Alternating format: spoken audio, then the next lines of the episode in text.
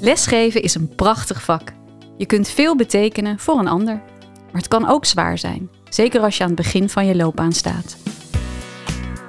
Dus om jou als starter een extra steuntje in de rug te geven, biedt de VO-raad de podcast Mijn Eerste Jaar voor de Klas. Een schooljaar lang volgen we startende docenten Elisabeth en Maurice. Om mee te leven en om te leren van wat zij in de praktijk allemaal meemaken. Maurice, Elisabeth, welkom hier aan tafel voor de eerste aflevering van Mijn Eerste Jaar voor de Klas. Dankjewel. Goed dat jullie er zijn. Jullie zijn nu een maand bezig en hebben dus ook al veel meegemaakt in jullie klassen en met jullie klassen. Dus we zijn heel benieuwd naar hoe het gaat. Maar eerst gaan we even goed kennis maken met iedereen hier aan tafel. Want behalve jullie twee zit hier ook Rickert Heidendaal. En hij is schoolopleider en begeleider van starters op het Hyperion in Amsterdam-Noord. En in deze podcast ben jij vooral de coach van ons duo en de expert. Rickert, mag ik het zo noemen? Uh, ja, zeker. Zo mag je het noemen. Ik vind het altijd wel heel erg uh, klinken, expert. Maar het is een eer om hier te mogen zitten. En uh, ik zit hier ook met veel plezier. Kan je nog iets meer vertellen over jezelf? Ja, zeker. nou ja, zoals je al aangaf, ik ben Rickert Heidendaal. heb negen jaar, denk ik, op het Berlage Lyceum in Amsterdam gewerkt. Werk nu ook zo'n negen jaar op het Hyperion Lyceum, vernieuwingsschool in Amsterdam-Noord. Uh, daar ben ik schoolopleider, uh, startersbegeleider, dio's-begeleider, docent in opleiding. Uh, dat doe ik nou ongeveer ook al zo'n zes jaar.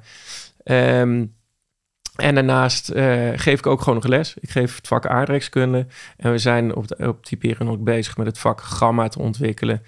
Mix van aardrijkskunde, geschiedenis en economie.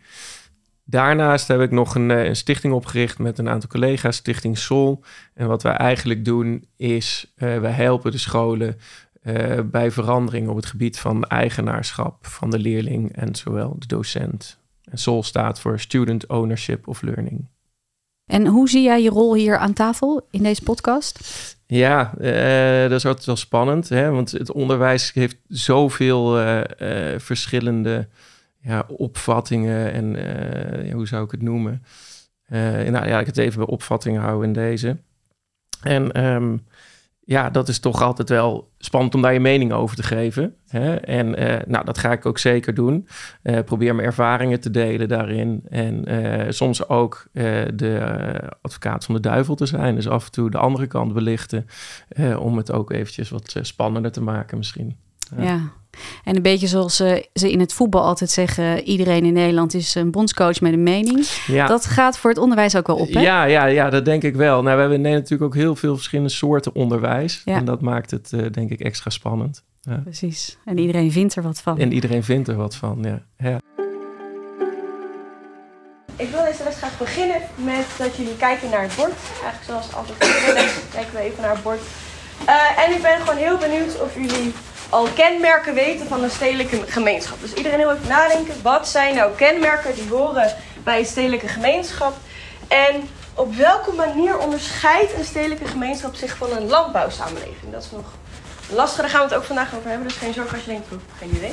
Uh, maar ik wil dat jullie gewoon heel even nadenken. Dus kijk even naar alle kenmerken van dit plaatje. Oeh, Elisabeth, dat was jij. Ja, dat klopt. Oké, okay, wil je jezelf even voorstellen aan ons? Ja, tuurlijk. Nou, ik ben Elisabeth Riemke. Ik ben 26 en ik geef nu sinds een maandje les op het Kals College in uh, Nieuwegein. Ik heb mijn master gedaan aan de UvA en heb vanuit de UvA stage gelopen bij het Cartesisch Systeem in Amsterdam. En dat was ontzettend leuk, maar ook heel zwaar. Uh, zo zwaar dat ik op een gegeven moment dacht: oef, ik weet niet of, uh, of dit wel wat voor mij is en of ik hier wel uh, mee door wil gaan. Toen heb ik op een gegeven moment besloten: ik moet het over een andere boeg gooien. Ik ga proberen of ik lesgeven in het buitenland op een internationale school wel, wel leuk vind. Dus ik ben een half jaar naar Lissabon geweest, heb daar op een internationale school gewerkt, St. Julian's. En dat was geweldig. En daar heb ik mezelf teruggevonden en ik heb liefde voor het vak teruggevonden. En ik dacht, ja, nee, ik, ik kan dit, ik wil dit. Dus toen heb ik op een gegeven moment toch maar even gekeken, zijn er banen in Nederland? En die waren er. Dus zodoende ben ik bij het Kalscollege terechtgekomen. En wat fijn dat je behouden bent voor het onderwijs. Ja, zeker. Ja, en niet, nog niet de handdoek in de ring hebt gegooid. Nee, en hopelijk is dat ook niet nodig. Ja. Um, we hebben ook een fragmentje van jou, Maurice, op school. Komt ie aan?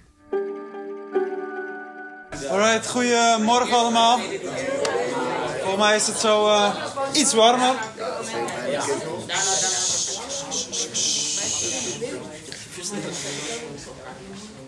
Wie heeft dus in een nieuwsbegrip?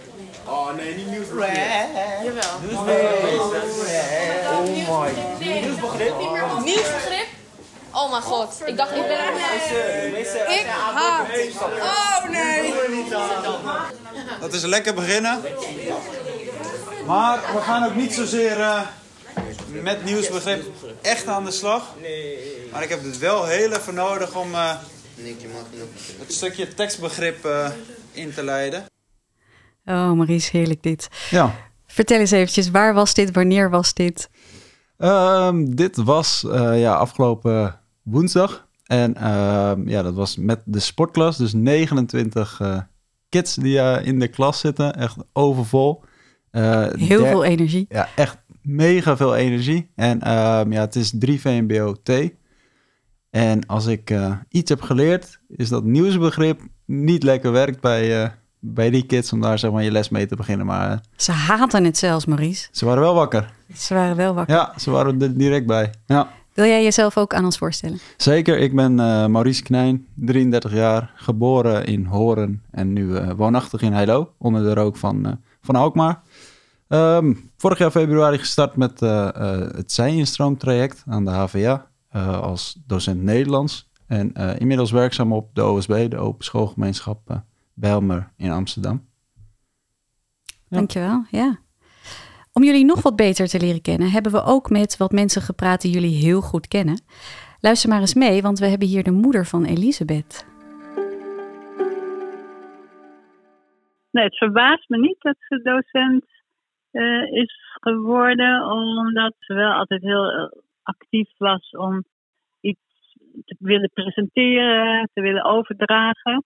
Dat zat wel al heel vroeg in. Ik denk dat Elisabeth een geschikte docent is, omdat zij uh, heel enthousiast is en dat ook heel goed kan, uh, kan uitdragen. Ze hebben over hoe, hoe, wordt het voor haar als beginnend docent.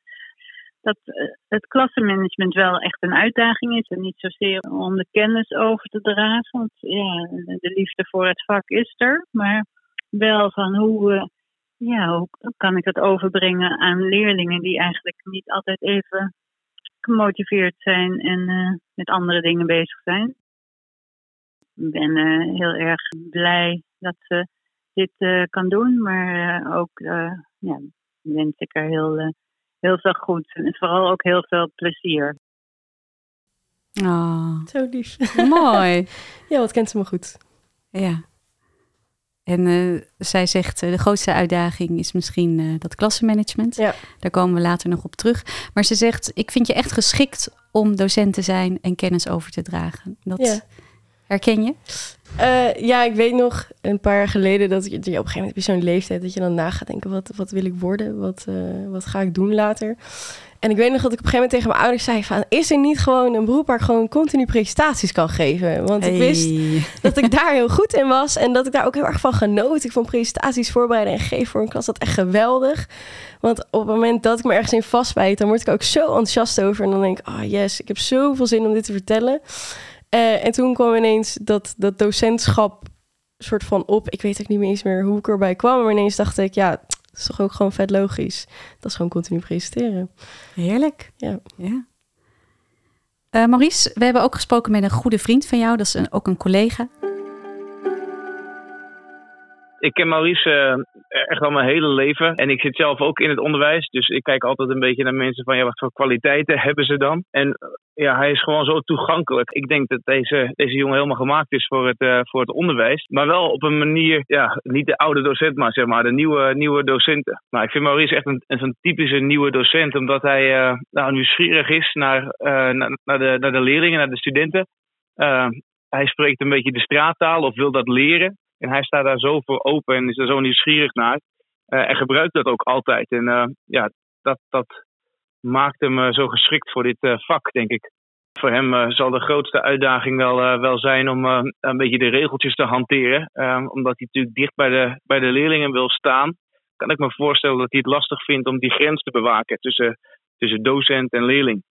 Eh, dat hij misschien af en toe te veel toegeeft aan de, aan de studenten en eh, te weinig vasthoudt aan de, aan de regeltjes. En ja, dat kan hem wel eens, dat kan wel eens lastig voor hem worden.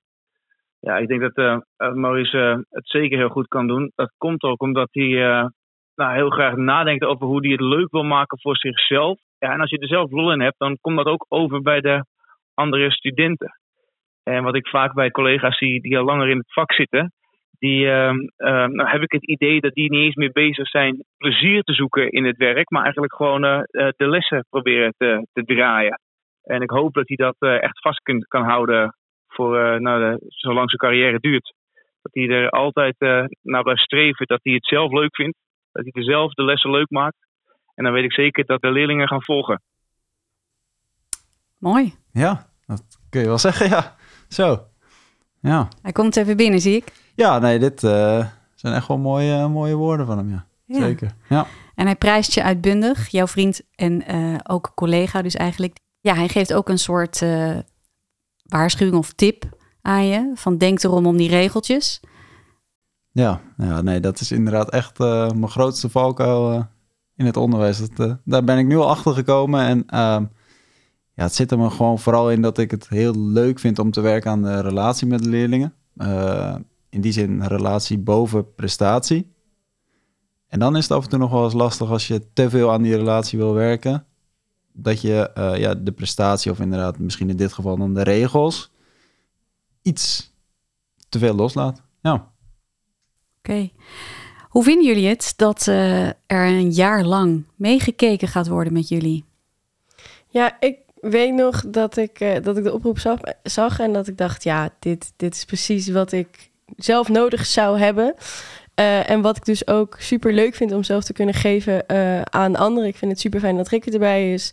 Dus dat ik gelijk tips krijg over moeilijke kwesties.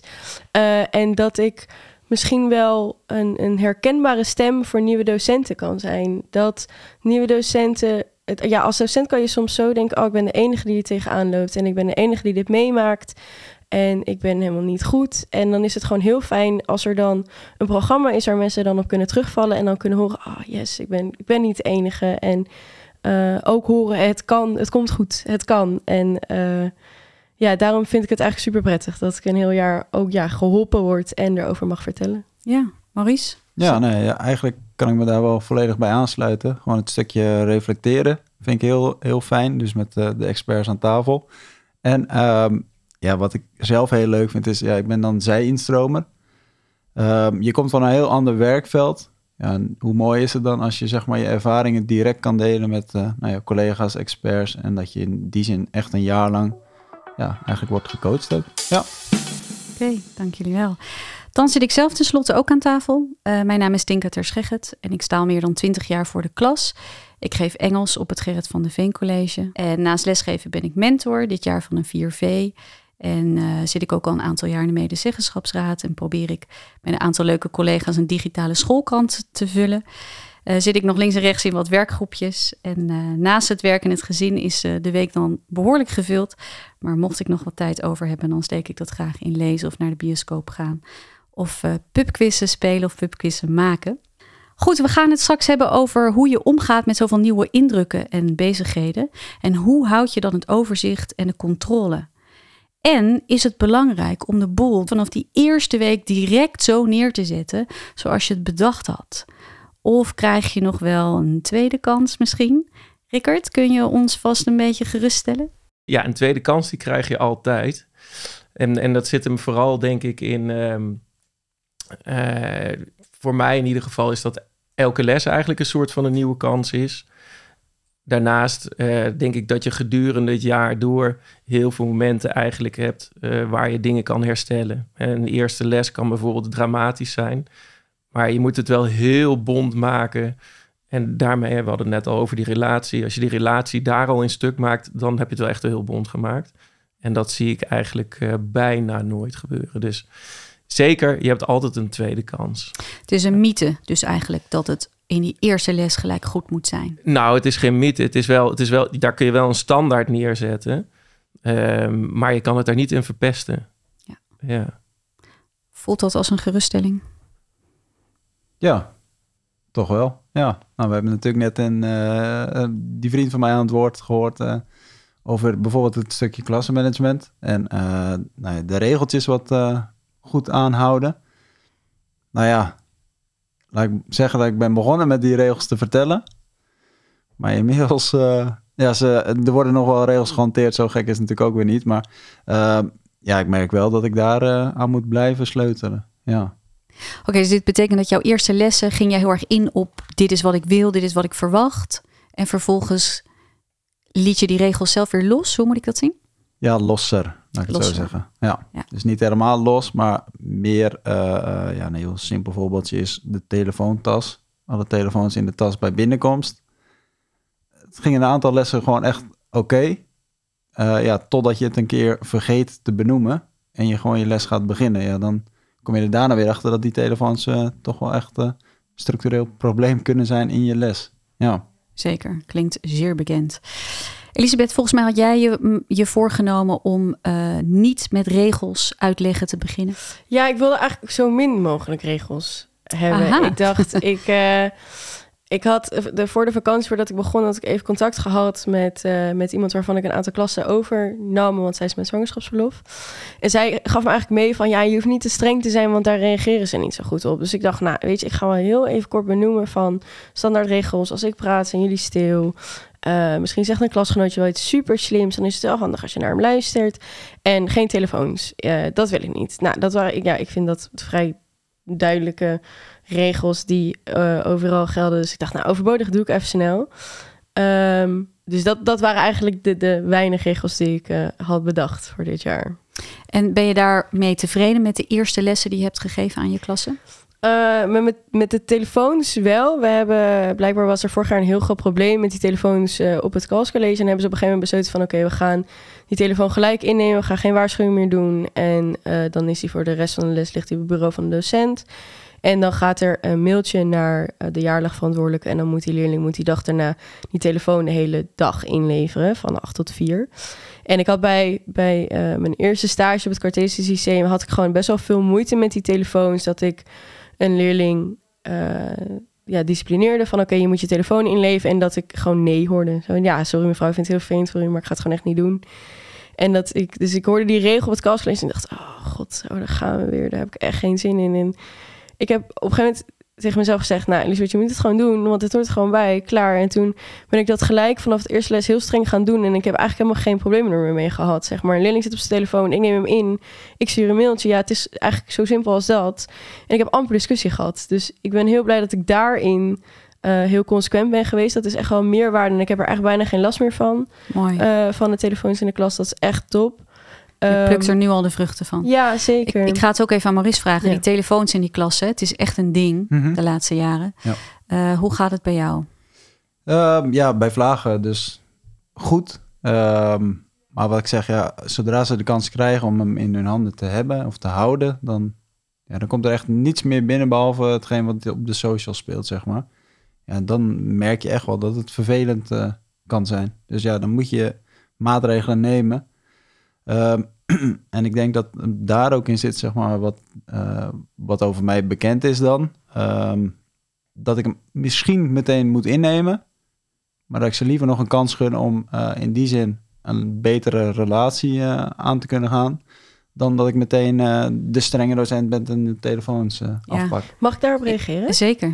Eh, w- ja, wat ik zelf heel erg heb gemerkt, ik was zo ook heel erg in het begin van, oh ja, je wil die relatie goed houden, dus ik geef ze nog een kans, want je wil er niet op ingaan. En dat ik eigenlijk hi- hierdoor merk dat de verwachtingen zo duidelijk zijn. Ik wil dat niet, dus dan gebeurt dat niet. En mijn relatie met die leerling is daardoor niet per se slecht, want ze weten juist wat er bij mij verwacht wordt. En ik ben juist dan misschien bijna veiliger, omdat het zo duidelijk is. Dus je snapt wat ik bedoel. Ja, ja nee, snap ik. Ja. Ik wil het ook aan Rickert Ja. vragen. Die Ja, ellendige ik- je mobiel. Hoort, ja, je hoort hier een aantal woorden die ik altijd heel belangrijk vind. Verwachtingen. Hè? Dus ik denk dat je dat in een eerste les kun je dat al heel duidelijk neerzetten. Eh, deze verwachtingen mogen ook nou, duidelijk zijn, maar mogen ook best wel hoog zijn. Hè? En, en precies wat je zegt, hè? je wil eigenlijk dat de telefoon er niet is. En toch op een of andere manier lukt dat niet helemaal. En dat zit hem volgens mij in heel veel dingen tegelijk. Hè? Dat je het zelf ben nog zoekende. Maar vervolgens heb je natuurlijk ook nog allemaal collega's die er ook weer op een eigen manier mee omgaan. En ik denk dat daar altijd wel binnen een school in ieder geval een hele grote uitdaging zit. Want soms zijn er docenten die voeren het perfect uit. Hè, die zijn super strak, hebben al die hoge verwachtingen. En daar gaat het misschien ook heel vaak goed. Hè, misschien wel bijna altijd. Maar het gaat ook wel eens fout. En het zit er meer ook in ja, dat het toch ook lastig is om dat met elkaar helemaal goed te doen. En daar zit denk ik sowieso een grote uitdaging met in het onderwijs, is het, het samenwerken onderling. En dat gebeurt denk ik nog te weinig wel. Maar daar komen we vast nog op terug. De kracht van het collectief hoor ik je Kracht zeggen. van het collectief, ja zeker. Ja. Je Ja. hoeft als docent niet zo hard te werken om die telefoon weg te krijgen. Als nou eenmaal binnen de school de regel is dat dat ding wordt weggelegd. Maar zo simpel als dit klinkt, zo eh, ingewikkeld kan dat Ik denk dat dit op elke school speelt. Ja. Dat weet ik zeker. En zo. het is ook Ja. typerend dat we in aflevering 1 binnen 10 minuten het over een mobiel hebben. Hè? Ja.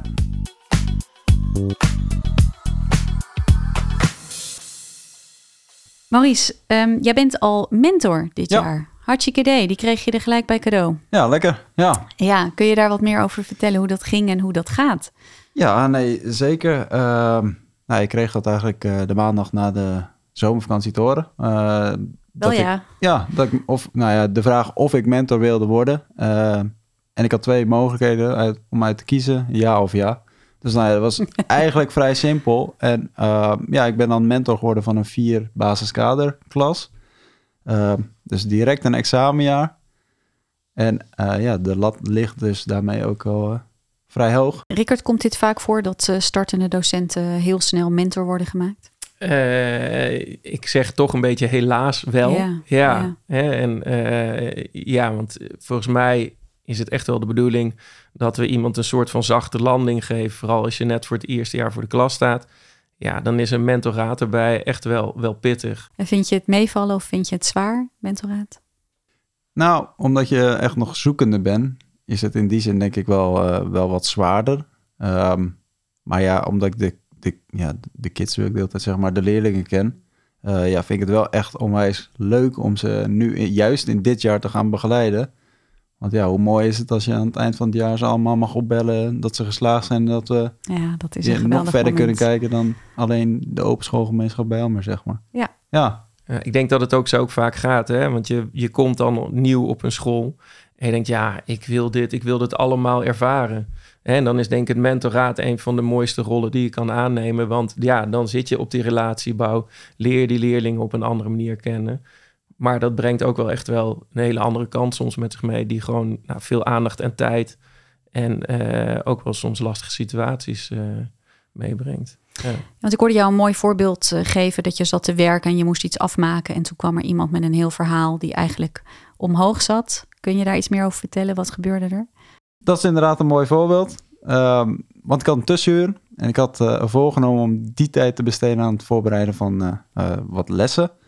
Ehm, maar op het moment dat ik achter mijn werkplek kruip, komt er een groep meiden, een paar mentorleerlingen van mij, die kwamen bij mij staan en nou ja, die stortten eigenlijk hun hart uit dat ze met relatieproblemen zitten en of ik daarin kon adviseren.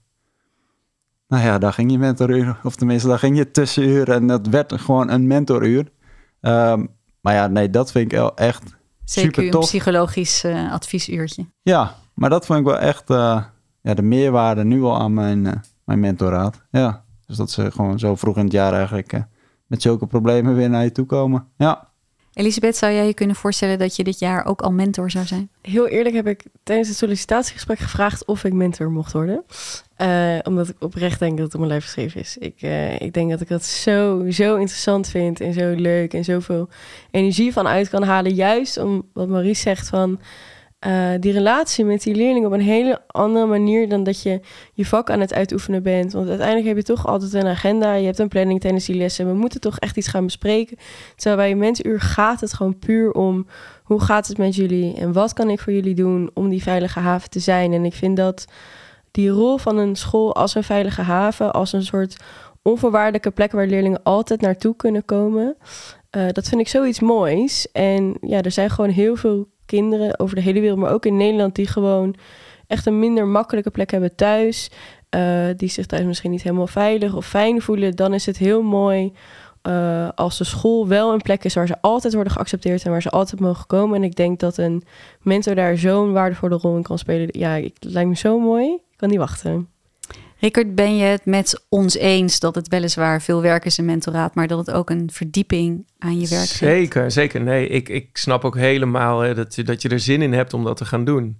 En eh, ik denk ook dat ik in mijn eerste jaar ook mentor ben geworden. Ehm, er zit wel, wat ik vooral probeer te zeggen is dat je als school denk wel de verantwoordelijkheid hebt om deze jonge honden, hè, om het zo even te noemen, het zijn niet allemaal jonge honden, maar in ieder geval de jonge honden in het, in het onderwijs, te beschermen tegen zichzelf. Want we zien dat er gewoon heel veel uitval is. En zo'n mentoraat brengt echt wel veel meer met zich mee. En dus die afweging moet je altijd wel heel goed maken als school. De eerste ouderavond heb je ook alweer gehad. Dat is weer de andere medaille van mentor zijn. Dan krijg je dus ook die ouders eh, in je klaslokaal en daar moet je wat mee. Hoe is dat gegaan?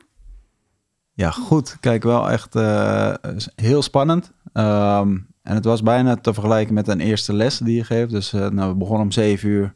Vijf of zeven komt iedereen binnen druppelen.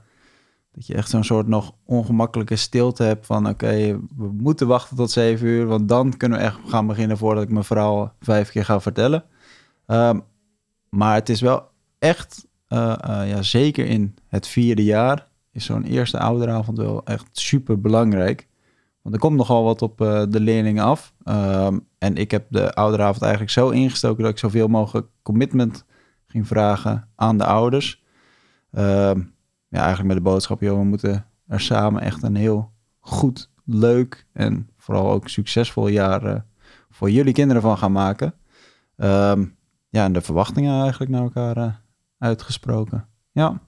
Je hebt een vrij bijzonder middel ingezet volgens mij, want je hebt je ouders gevraagd om een brief te schrijven naar hun kind. Ja, ja, klopt. Ja, ik had eh, eh, sowieso ook aan, eh, aan mijn leerlingen gevraagd om een brief te schrijven aan hun ouders voor de ouderavond. Ehm, en op een gegeven moment, nou ja, je kent het wel, je bent aan het presenteren, aan het vertellen. Ik zeg, jongens, nu hebben we even genoeg geluisterd, nu mogen jullie aan de slag, zei ik tegen, tegen de ouders. Ehm, en toen gaf ik ze de brief van hun kinderen. Ik zeg, eh, dit was hun opdracht, maar de opdracht voor jullie is om een brief te schrijven die ze eigenlijk als zeg boekenlegger, post-it, op een spiegel kunnen plakken, in waar dan ook. Maar dat ze altijd een motiverende boodschap gaan eh, treffen van jullie als ouders. Eh, natuurlijk nou ja, met on, ja, ongelooflijk veel steun wat je erin gaat uitspreken en veel vertrouwen. Ehm, ja, zodat eh, die leerlingen, de kinderen eigenlijk eh, zo lekker mogelijk eh, starten. Ja. Ja, ik vind het echt heel mooi. Ja. Had je dit zelf verzonnen of heb je dit overlegd met andere collega-mentoren? Dit eh, heb ik niet zo verzonnen. Nee, het is eh, goed overleg geweest. Ja, dus het is iets- letterlijk en figuurlijk, zeg maar.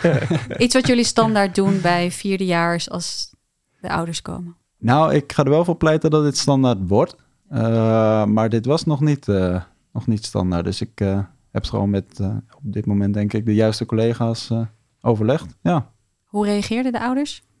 Ja, super tof. Ja, die waren natuurlijk toch ook wel een beetje ontroerd door de verwachtingen van de kinderen die ze teruglezen. En ehm, nou, ik heb de ouders uiteindelijk ook een heel groot compliment gegeven dat ze zo stil en in zo'n korte tijd zo'n brief terug konden schrijven aan hun kinderen, zeg maar. Dat ik dacht, als jullie bij mij in de klas hadden gezeten, dan eh, vond ik dat ook wel lekker werken. Zo, eh, ja. Nou, leuk. Ja. ja. Mooi. Nou, dit klinkt allemaal heel idyllisch en geweldig. Maar Elisabeth, ik weet dat je ook wel een lastige start hebt gehad met één klas. Wil je daar iets meer over vertellen? Ja, zeker. Eh, dit is een, een 2 HAVO-klas. Best, dat zijn er 27, 28, best wel veel leerlingen. En ze begonnen al best wel druk, maar mijn eerste les was ook een vrij losse les waarin ik ook een beetje een historisch spelletje wilde doen. Dus dan heb je gewoon altijd een beetje chaos. En ik dacht, ja, weet je, het is ook prima. Ik had het eigenlijk bij al mijn klassen dat het een beetje chaos was. Ik dacht, prima, be- beginnen we zo. Eh, en toen begonnen we langzaam aan, begonnen gewoon die lessen. En in het begin ging het wel goed. En op een gegeven moment had ik een les dat leerlingen gewoon weigerden om stil te zijn. Ik heb ja, misschien wel tien keer gevraagd, jongens, wat, wat gebeurt hier? Hoezo zijn jullie niet stil? Wat, wat, ik wil gewoon die les beginnen nou en dat ging al niet. En op een gegeven moment zo, nou, nu wil ik gewoon echt weten wat er met jullie aan de hand is. En toen was het, ja, mevrouw, het is, eh, het is donderdag en we hebben geen zin meer. En eh, ja, het is, die dag is zo lang en de week is lang. En hij nog nou nog een uur? Ja, ja oké, oké, ik snap het, weet je. Het is, het is ook zwaar. Maar we zullen toch een manier moeten gaan vinden om met elkaar te gaan werken. Dus wat gaan we doen? En toen was het, ja, nee, ja, echt geen idee, geen idee. Nou, uiteindelijk heb ik de opdracht toch uitgedeeld, waar ik eigenlijk niet zo voorstander van ben. Want ik wil eigenlijk altijd dat ja, eigenlijk de randvoorwaarden goed zijn voordat ik aan een opdracht begin. Omdat ik echt wel denk dat leerlingen er dan het meest van leren. Maar op een gegeven moment dacht ik, ja, deze, deze les loopt gewoon. Sta ik ook, ik ben ervoor nog, oh, dat vergeet ik gewoon. Daarvoor ook nog naar, uh, naar buiten gelopen, naar het, uit klaslokaal uit. Omdat ik dacht, dit, dit gaat gewoon niet goed. En ik merkte ook dat ik het gevoel van mijn, van mijn stage in Amsterdam weer een beetje terugkreeg. En dacht ik, oeh, dat, dat moet ik gewoon echt niet hebben. En daar zat toevallig een mentor. Uh, dus ik heb aan haar gevraagd van, wil je alsjeblieft naar binnen komen? Want ik, ik weet gewoon niet wat hier gebeurt. En... Uh, toen heeft ze ze even toegesproken van... jongens, maar volgens mij staat mevrouw Rumke hier gewoon heel hard te werken voor jullie. En uh, ik weet niet wat er aan de hand is, maar dit kan gewoon echt niet. En uh, jullie gaan nu gewoon goed meedoen. Um, want uh, dit is gewoon echt niet leuk om te horen. Nou, daar reageerden de leerlingen een beetje half op. Maar ja, dus wel net genoeg dat ik op een gegeven moment dacht... oké, ik kan die opdracht wel gaan uitdelen. En toen hebben de meesten het wel enigszins gedaan... maar het was helemaal geen les hoe ik hem graag had willen geven... Um, dus ja, dus dat, dat, was wel, dat was wel jammer dat je dan opeens zo'n les hebt. Rickard, snap je deze move? Zeker, ja. ja. Volgens mij uh, is dit bijna voor elke startende docent wel een, uh, een hele herkenbare ervaring. Hè, dat je ja, gewoon even de controle niet krijgt of je krijgt ze niet te pakken. En uh, ja, je kan, sommigen denken dat het is misschien een beetje, je hebt die drie reacties op, uh, op spanning, zullen we maar zeggen. Hè, de ene bevriest, nou dat is al niet gebeurd, zullen we maar zeggen. dus dat is al heel prettig. Ja. Hè, jij bent echt ook in, in actie overgegaan. En um, ja, daar zijn natuurlijk tig verschillende keuzes in die je kan maken. Maar dit is volgens mij een hele gangbare keuze.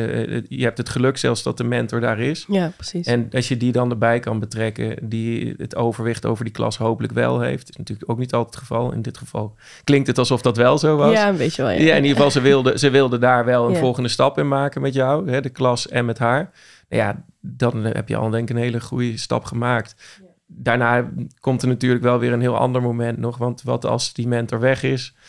En uh, ja, hoe ziet het dan eruit? Ja, want hoe ging het verder, Elisabeth? Want daarna heb je die klas weer gezien, al een aantal maal weer volgens mij. Ja, nou die les daarna. Uh, ik, ik, ben er wel te voorstander van dat je toch even terugpakt op die vorige les. Van oké, okay, nou wat er toen is gebeurd, dat was gewoon echt niet leuk. Um, en er was een, een, manier in, die gebruikte ze in Portugal, die ik dan toch, op een gegeven moment zijn er dingen die je toch een beetje meeneemt, uh, die ze gebruikte. En dat was dat ze een, een tabelletje op het bord hadden gezet met een blij smiley en een boze smiley. En ik vind het best wel een waardevolle tool, omdat het uh, heel publiekelijk laat zien als een leerling goed bezig is. En ik vind dat leerlingen echt wel een duidelijke uh, praise mogen krijgen, zeg maar, op het moment dat ze iets goed doen. Um, en het is voor de leerlingen ook heel duidelijk op het moment dat als ze een waarschuwing krijgen, dan zien ze dat ook heel visueel. Want soms kan je duizend keer waarschuwing krijgen en dan betekent het niks meer. Maar als het echt zo er staat, dan, uh, dan ja, zijn ze echt wel meer gewaarschuwd, denk ik. Uh, en soms is het ook gewoon makkelijk als docent, want je vergeet ook wie je allemaal hebt gewaarschuwd. Joh. Dus dan is het zo van, oh ja, jou, oké, top. Dus dat had ik aan ze uitgelegd. En um, ja, dat vonden ze eigenlijk allemaal best wel oké. Ze waren allemaal wel van oké, ja, nee, ja, prima. Dan is dit, uh, dan is dit hoe we gaan werken. Uh, en die lessen waren ze super. En uh, toen heb ik ook een hele leuke opdracht geïntroduceerd. waar ik heel blij mee was dat ik die had bedacht.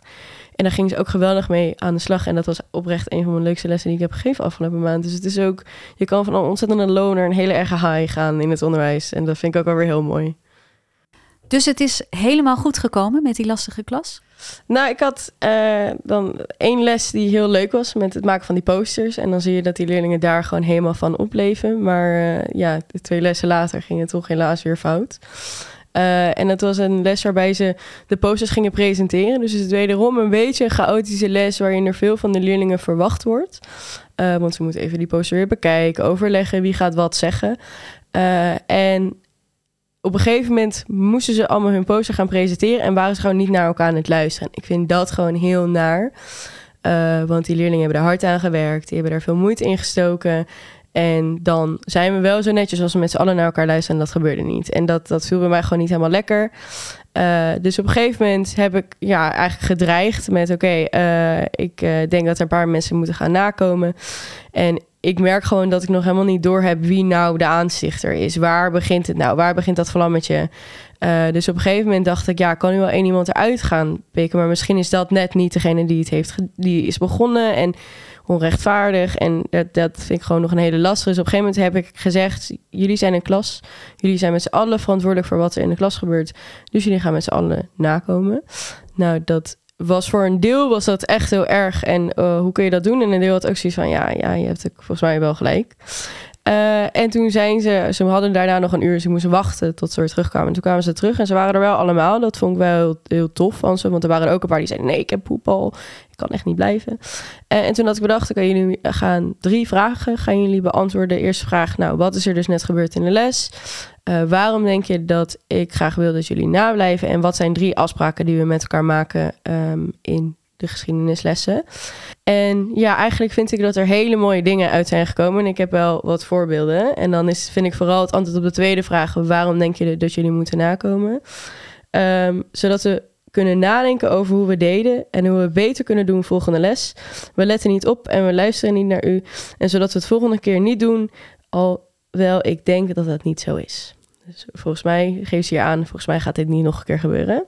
Dus dat was voor mij wel heel fijn. En een andere vond ik heel mooi, ook wel ja, mooi voor mij als docent om te lezen. Uh, omdat je als docent in je eentje tegen 27 leerlingen moet staan. En als alle 27 niet luisteren, krijgt u een KUT-gevoel. Nou, dat, vond ik een prachtig antwoord. Dus uh, ik heb ze helaas nog niet gezien. Dus ik heb nog niet de follow-up kunnen doen. Maar uh, ik heb er eigenlijk wel een goed gevoel over. Ik denk dat dit wel goed komt.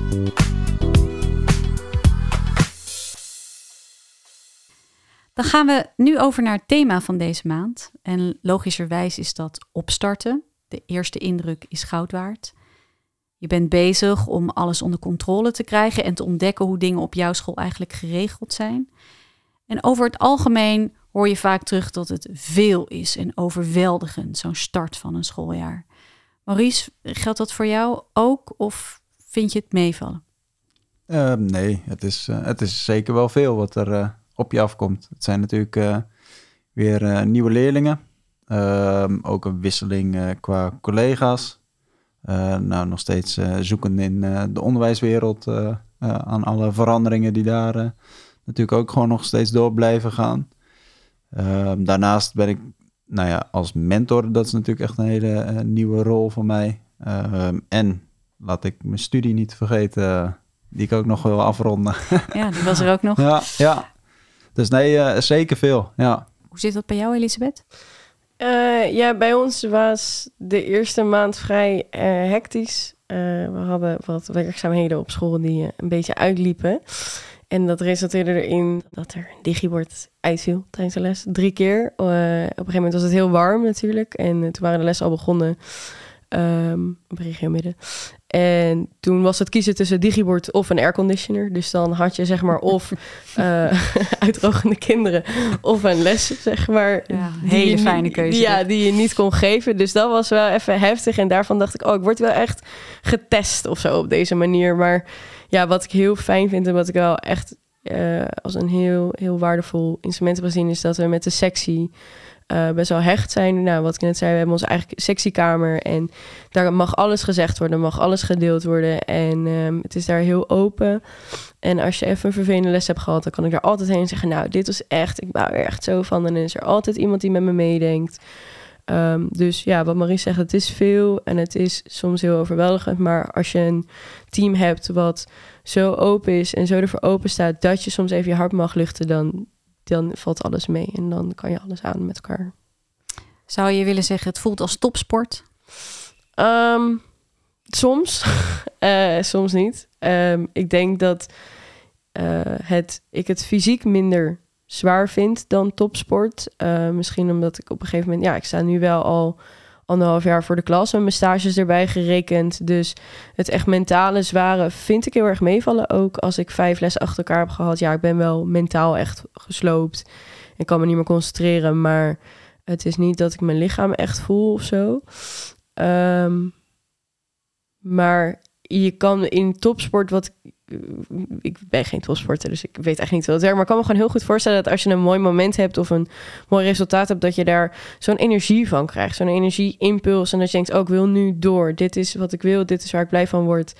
Dus ik, uh, ik ga hier altijd naar streven. En dat onderwijs vindt voor mij ook heel erg als ik een goede les heb, als ik een uh, leuk contact heb met een leerling, dan krijg ik daar heel veel energie van. En dan wil ik alleen maar meer, meer, meer. Dus misschien is het op die manier topsport voor me.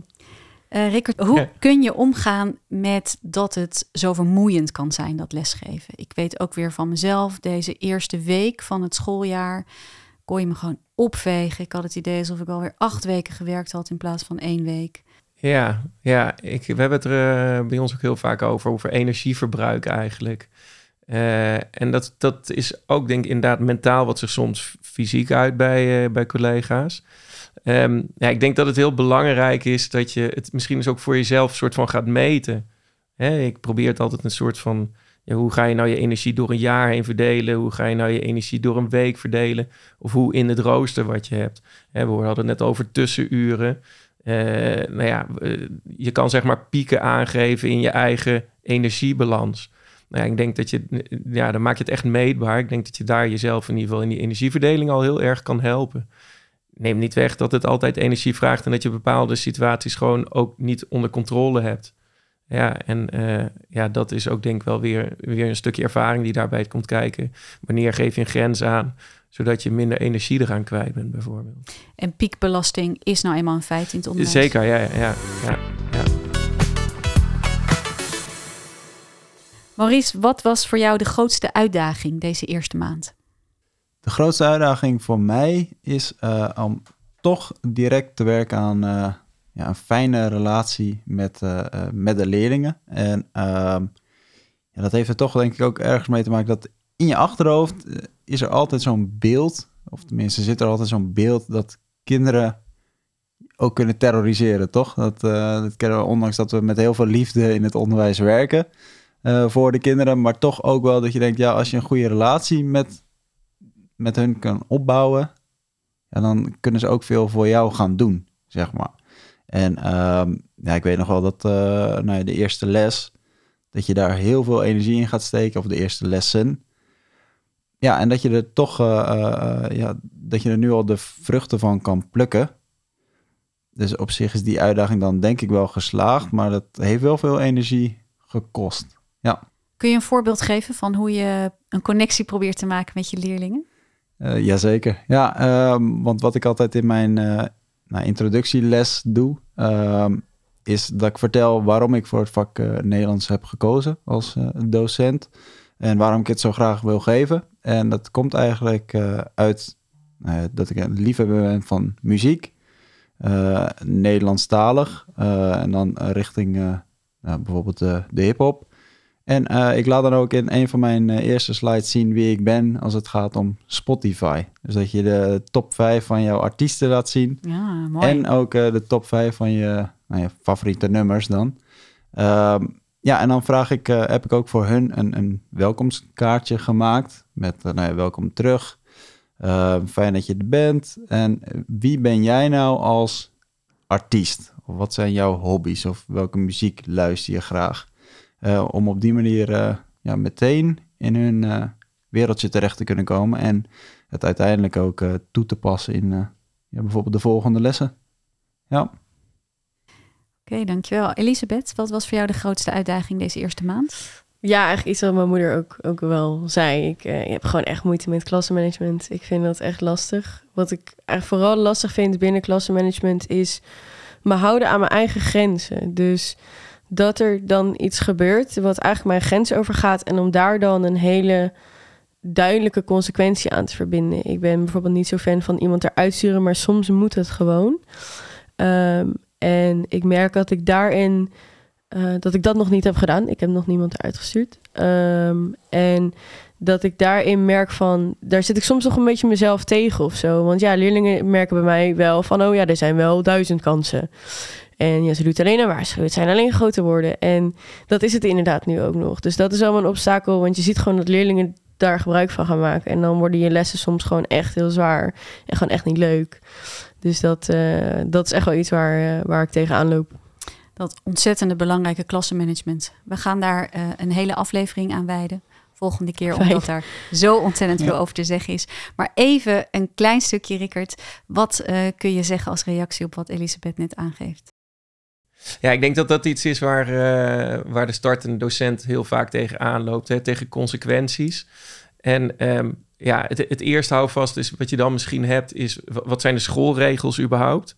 Eh, maar die zit, conflicteren soms ook wel met wat je zelf prettig vindt, of wat je zelf op dat moment durft te doen. Hè, dus je zou best wel, eh, jij wil liever niemand eruit sturen, terwijl iemand die zich misschien aan de schoolregels houdt, die doet dat wel. Ja, en, en dat, dat maakt natuurlijk eh, nou, ergens lastig. Ja, dat is eh, altijd een zoektocht natuurlijk. Ehm, ik zou wel altijd voor iets gaan, dat is mijn mening, eh, wat echt heel erg bij jezelf past, waar jij je goed bij voelt. Wel in het achterhoofd houden, oké, sluit dit ook wel een beetje aan bij de visie op van de school. Als jij heel streng gaat zitten, ja, dan wordt het best wel lastig. Maar daar zie ik je nou op het moment, als ik ook niet kijk en hoor, niet voor aan. nee, maar het is wel fijn om dan je va- houvast te halen, denk ik, uit de schoolregels. Ja. En dat is, met, dat is ook nog vaak dan bespreken met andere collega's. Hoe doe jij dat? Hoe ga jij om met deze situatie bij ons? Want ja, bij ons eh, op het Hyperion bijvoorbeeld gaat het echt weer heel anders dan hè, dat het op het Kals gaat waarschijnlijk. Ja. Ja. Maurice, ik ben wel benieuwd, hoe, hoe zit het voor jou met grenzen eh, stellen en je daar ook echt aan houden? Ja, heel herkenbaar ook. Ja, gewoon eh, ja, vooral die grote woorden gebruiken. Ehm, ja, stoppen nu, bewijzen van... Ja, dit klinkt niet als een heel groot woord, maar jullie de- ik denk dat iedereen wel begrijpt wat ik bedoel. Ehm, maar wel, ja, dat je in het begin van kleine dingen grote dingen kan gaan maken in de klas. Maar dat je op een gegeven moment toch, ja, ja het gebeurt eens een keer of het gebeurt nog een keer. Ehm, maar ja, die consequenties die, eh, die zijn gewoon lastig om dan eh, toe te passen. Ik denk dat leerlingen daar heel veel behoefte aan hebben. Hè, die duidelijkheid. En vooral in het begin, hoe spannend dat ook is om een keer een consequentie te laten, te laten voelen. Hè, voelen is misschien niet het goede woord, klinkt een beetje vreemd, maar eh, je begrijpt wat ik bedoel daarmee. Dat is meteen duidelijk voor een leerling. Ja. Een hele praktische tip kan zijn om weg te blijven van eh, zinnen zeggen als ik waarschuw nog één keer. Of ik zeg het nog één keer. Of als je nu niet luistert, dan. Want als je die inzet, dan moet er ook een consequentie volgen. Terwijl als je dat helemaal nooit zegt, dit is de laatste keer dat ik waarschuw, dan, en je vraagt gewoon wil je nu ophouden, dan hoeft die actie niet te komen. Ja. Dat is ook een hele mooie. Ja. Ja.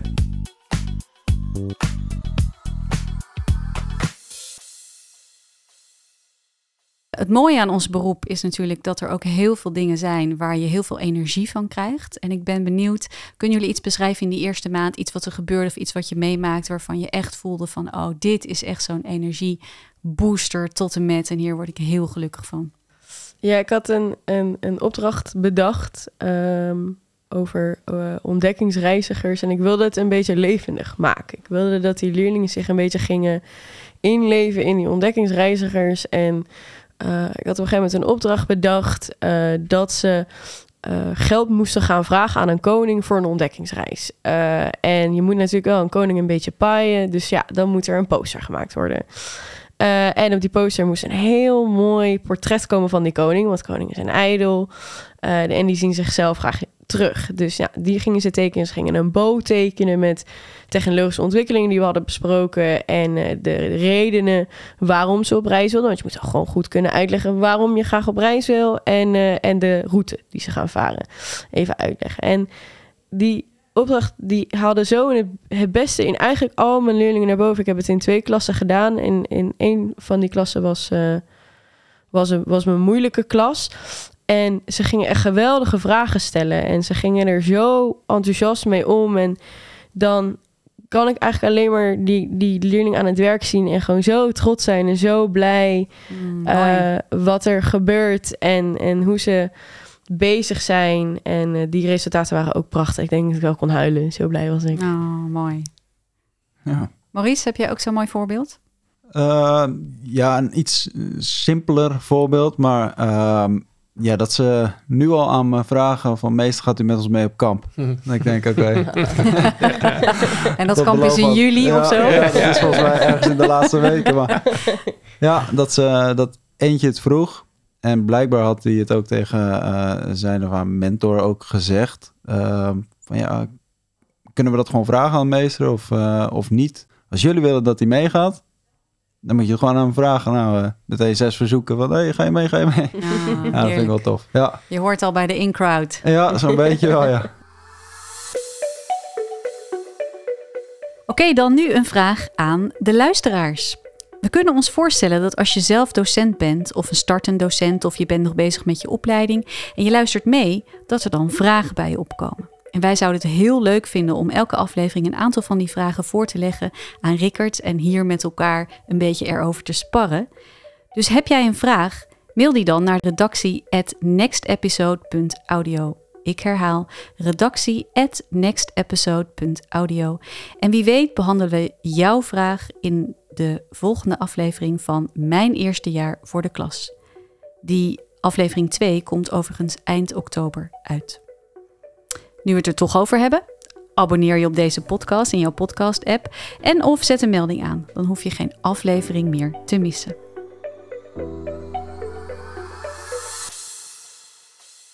Oké, we gaan elke aflevering ook even een blik werpen op jullie agenda. Wat gaat er de komende weken gebeuren? Zijn er bijzondere dingen? Zijn er eh, lessen waar je tegenop ziet of dingen die er gebeuren moeten waar je juist heel veel zin in hebt? Hoe ziet het de komende maand eruit voor jou, Elisabeth? Eh, over, eh, als ik het goed zeg, drie weken ongeveer, tweeënhalf weken, beginnen we onze toetsweken. En dat is natuurlijk de eerste toetsweek eh, die ik ga meemaken op deze school. En ik merk dat ik het een beetje spannend vind, omdat het dan duidelijk wordt of eh, de leerlingen hebben opgepikt wat je heel graag wil bereiken in de les. En vaak zijn lessen voor een toetsweek altijd best wel pittig. Eh, merk ik, want heel vaak willen leerlingen eigenlijk gewoon thuis leren. Dus die hebben dan eigenlijk niet zo heel veel zin om naar de les te komen. Terwijl je juist nog even die laatste puntjes op de i wil zetten. Even nog wil checken van, hey, heb je wel begrepen wat ik eh, wilde bereiken? Dus voor een docent zijn die lessen eigenlijk heel belangrijk. En voor leerlingen zijn die lessen eigenlijk alleen maar heel erg irritant. Eh, dus dat zijn altijd vaak ja, vrij pittige lessen om te geven. Dus daar, eh, ik kijk er niet per se tegenop, maar ik ben benieuwd. Mooi. En Maurice? Ja, bij ons eh, staan ook de toetsweken op het programma. Ehm, ja, en eigenlijk net als wat Elisabeth zegt, ben heel benieuwd naar gewoon de resultaten, omdat het toch ook eh, indirect iets over jezelf eh, als docent zegt. Lijkt mij in ieder geval. Ehm, en daarnaast staan de komende weken ook de oudergesprekken op de, de planning. Ehm, dus eerst echt alleen de ouderavond gehad voor enkel de ouders, maar nu is het ouder en kind. En ehm, ja, ik ben heel benieuwd eh, wat dat gaat opleveren. Ja. Dat begrijp ik. Ja. Rickert, heb je een kleine praktische tip voor Maurice? Voor een ouderavond, ja. Oh, dat is wel een goeie. Ja, eh, altijd goed voorbereiden. Vind ik echt wel een eh, hele belangrijke. Ehm, zonder aannames, denk ik, eh, naar binnen wandelen. Dus je kan wel gaan voorbereiden en dan allemaal dingen in je hoofd hebben. Maar ik denk dat wel het heel belangrijk is dat een heel gesprek open van start gaat. Ehm, ja, dat zijn wel twee dingen die voor mij wel eh, zorgen voor een goed gesprek. Ja, en altijd constructief blijven. Ja, en, en afsluiten met eventuele afspraken. Ja, want ik neem aan dat het is een 10 minuten gesprek. Ja, volgens mij, eh, wat, wat mij werd geadviseerd, is om eh 20 met uitloop tot 30 minuten. Ah, Oké, ja, ja. oké, ja, Ja. ja. Nee, dan heb je eh, goed de tijd in ieder geval. Ehm, ja, soms bij 10 minuten gesprekken moet je echt heel efficiënt zijn. Dit is al een stuk prettiger, zo'n gesprek. Ja, ja. Ja. Hey, thanks. Ja. Heel veel succes de komende weken en bij de dingen die jullie gaan doen. We gaan afsluiten. Dank jullie wel voor jullie aanwezigheid. Rickert, ook bedankt. Ja, jullie ook. Jij bedankt. Dankjewel. Ja. Ja. Dank voor het luisteren. Over een maand zijn we terug met aflevering 2. En dan komt ons docentenduo weer uitgebreid vertellen hoe het met ze gaat, wat ze hebben geleerd en waar ze nog wel wat hulp bij kunnen gebruiken. In die aflevering is het thema meteen een heel groot onderwerp. Want we gaan het hebben over eh klassenmanagement. Wellicht beter bekend als orde houden heel graag weer. Tot dan! Deze podcast is een productie van Next Episode in opdracht van de VO-raad. Audiodesign werd verzorgd door Studio Cloak. De eindredactie was in handen van Robert Doggers en de presentatie doe ik, Tinka Terschegget.